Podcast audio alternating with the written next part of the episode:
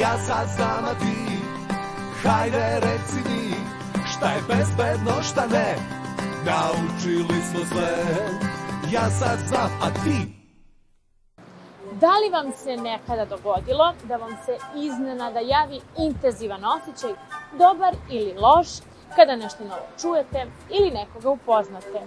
Vi tada zapravo intuitivno osjećate nešto što se još uvek nije dogodilo ili još uvek nije rečeno. Šta je to intuicija ili naše šesto čulo, naučit ćemo danas.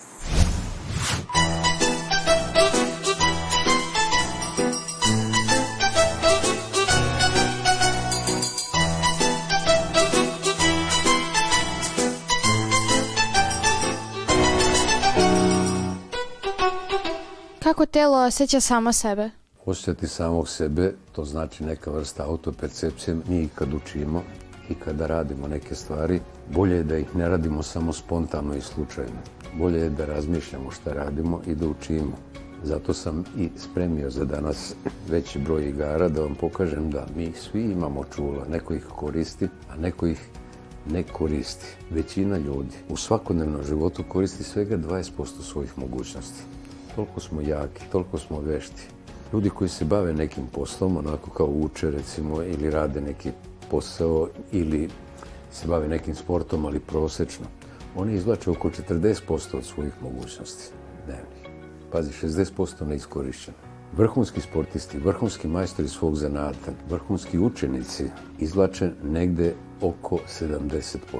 I opet imaju rezervu. Onih 70 do 90% čovjek može svojom voljom, afektom, namerom, željom da aktivira i tada može da izvlači vrhunske rezultate iz sebe. Ajde sad pokušamo da odigramo opet jednu igru anticipacije. Pazi, znači ja pljesnem, ti pljesneš. I like to move it, move it. I like to move it, move it. You like to move it. I like to move it, move it. I like to move it, move it.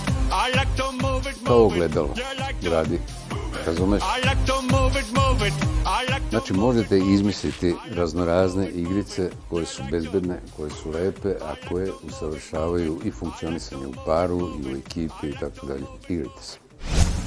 Da li možemo da poboljšamo osetljivost naših čula? Postoji nekoliko aforizama. Ne znam da li ste slušali aforizme nekada i da li znate šta su aforizmi. To su kratke, mudre rečenice. Pa je tako Juvenal rekao zdrav duh u zdravom telu stvari aludirao da jednostavno treba vežbati telo.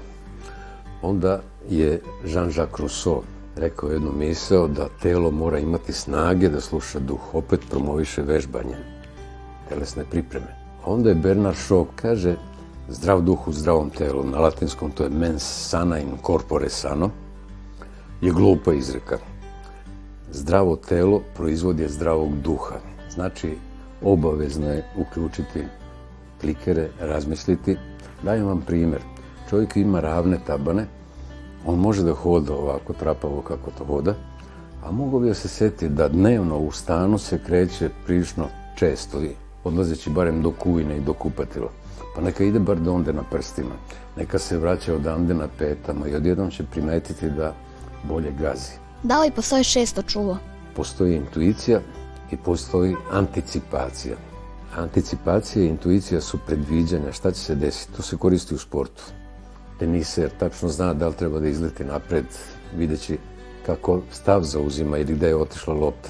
To je nešto što razvija šesto čulo. Povezivanje čulnih utisaka opet nam razvija šesto čulo. Mi odjednom postajemo spretniji i razumevamo. Znamo da kod čoveka razlikujemo pet čula ali postoji ono što možemo nazvati šestim čulom. To je intuicija ili unutrašnji glas. Na primjer, iznenadni neobjašnjivi osjećaj nenaklonosti prema osobi koju ste upravo upoznali. Ili osjećaj da je poznajete ceo život. Ali možete osetiti i predvideti i dobre stvari i događaje. Intuicija se može uporediti sa alarmnim sistemom, Kada nešto ne funkcioniše ili moramo reagovati brzo i efikasno, aktiviramo ovaj unutrašnji osjećaj. Zahvaljujući ovom daru, mi smo u mogućnosti da prilagodimo potez našeg ponašanja i da aktiviramo efektivan odgovor. O intuiciji su kroz istoriju govorili mnogi, te su tako grčki filozofi Platon i Aristotel nju upravo smatrali izvorom čistog saznanja i da do znanja dolazimo bez ikakvih posrednika. Intuicija je onaj nesvesni deo nas koji zna mnogo više i bolje od svesnog dela. Zato intuiciju osluškujmo i verujemo joj. Ja sad znam, a ti, hajde reci mi, šta je bezbedno, šta ne, naučili smo sve.